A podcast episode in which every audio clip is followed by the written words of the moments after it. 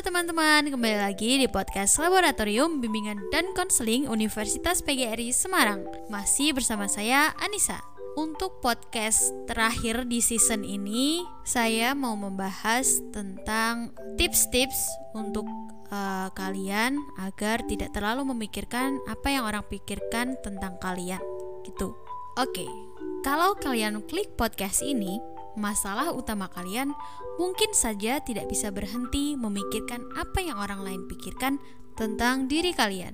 Misalnya, nanti waktu lebaran, saudara kamu atau tante kamu atau orang tua kamu menanyakan, "Kapan wisuda? Kapan nikah?" gitu. Terus apalagi ya kira-kira biasanya? Skripsinya sampai mana? Wah, Nah, yang di mana kamu pada dasarnya tidak bisa berhenti memikirkan apa yang orang lain pikirkan tentang kamu. Jadi, secara tidak sadar, kamu akan selalu memikirkan hal itu terus-menerus. Padahal ya, kalau dipikir-pikir, kita tidak selalu bertemu dengan saudara kita. Jadi, mereka tidak tahu proses apa yang telah kita lalui. Contoh lain, saat kita bertemu orang lain, lalu kita berpikir, dia mau nggak ya temenan sama aku? Dia nganggap aku freak gak sih? Penampilan aku udah bagus belum ya buat ketemu orang baru?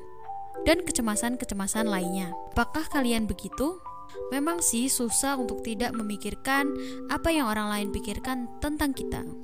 Kalau kalian sering merasa cemas dan takut dikomentari oleh orang lain, maka dari itu kamu berada di sini di podcast kali ini, saya akan membagikan tips untuk kalian agar berhenti memikirkan apa yang orang lain pikir tentang kalian.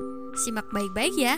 Hmm, kira-kira kenapa ya manusia sering merasa cemas tentang apa yang orang lain pikirkan tentang dirinya? Jadi begini, manusia pada dasarnya adalah makhluk sosial.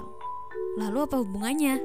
Makhluk sosial seperti kita memiliki hasrat untuk berbaur dan diterima masyarakatnya sangat tinggi. Bagaimanapun juga, manusia butuh orang lain untuk bertahan hidup. Maka dari itu, pada beberapa kesempatan kita perlu mendapatkan saran atau feedback dari orang lain. Tetapi terlalu memikirkan feedback atau saran dari orang lain juga tidak baik ya teman-teman, terutama untuk kesehatan mental. Terlalu terikat dengan perkataan orang lain dapat membuat kamu kehilangan jati diri, jadi labil dan tidak jujur terhadap diri sendiri. Misal, kalian pengennya X, tapi orang lain ingin kalian melakukan Y. Jadi, kemungkinan besar kita akan melakukan Y karena terlalu memikirkan saran itu. Jadi, kalian, kita, semua harus berusaha dalam menaruh kecemasan dalam batas wajar. Tapi kapan sih ketika kecemasan kita dianggap masih batas wajar dan kapan pula kecemasan ini dikatakan sudah tidak wajar? Oke, memikirkan feedback atau perkataan orang lain itu wajar, terutama ketika feedback memiliki impact, seperti feedback dan sarannya bersifat membangun. Misalnya, teman kalian mengingatkan kalian untuk tidak memotong pembicaraan ketika orang lain sedang berbicara. Ya, kalian harus mendengarkan hal itu. Kalian patut menerima kritik tersebut supaya kalian bisa menjadi orang yang lebih baik. Jika tidak membangun dan berniat hanya untuk menjulit, tidak usah didengarkan. Sebaliknya, kecemasan dikatakan tidak wajar ketika opini orang lain mampu menggoyahkan pendirian dan keinginan kalian. Seperti yang sudah disinggung di awal, mungkin kalian akan menjadi lebih labil, kehilangan jati diri kalau sudah mengalami hal tersebut. Lebih baik untuk berhenti dan tarik nafas sedalam-dalamnya, lalu hembuskan dan berkata pada diri sendiri, "Kalau kita hidup bukan untuk memuaskan ekspektasi orang lain. Kita berhak untuk mengekspresikan, bereksperimen, berhak untuk melakukan hal-hal yang kita sukai dan dipercaya, meskipun tidak dianggap konvensional oleh orang lain. Lalu, bagaimana alam pikir kita bisa tidak terpengaruh atau tidak peduli dengan pendapat orang lain? Oke, berikut adalah tips-tipsnya. Yang pertama, kita harus mulai dari hal yang mendasar. Ubah mindset kalian. Selama ini mungkin kita terlalu fokus dengan apa yang orang lain pikirkan tentang diri kita. Tapi kita lupa, mungkin orang lain juga sedang memikirkan apa yang kita pikirkan. Misalnya kita yang merasa insecure pas waktu ketemu orang lain. kita takut orang lain memikirkan yang aneh-aneh tentang kita. Tapi ketahuilah bahwa bisa jadi mereka juga memikirkan hal yang sama seperti kita ketika bertemu. Mungkin mereka memiliki kecemasan dan berpikir, apakah dia mau berteman denganku? Seperti itu kira-kira.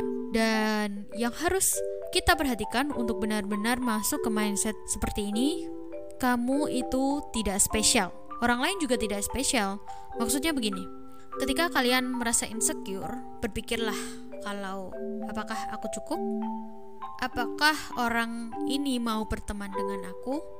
Ada kemungkinan juga kalau orang lain itu memikirkan hal yang sama.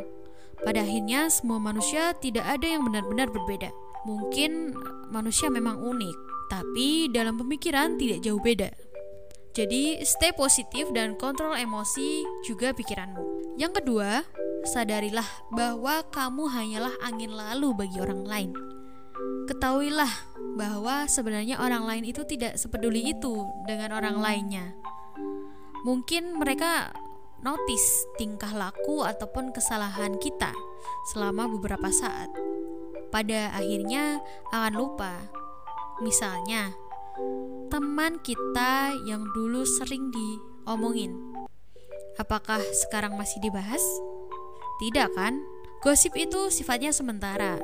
Omongan-omongan negatif itu akan hilang dengan sendirinya.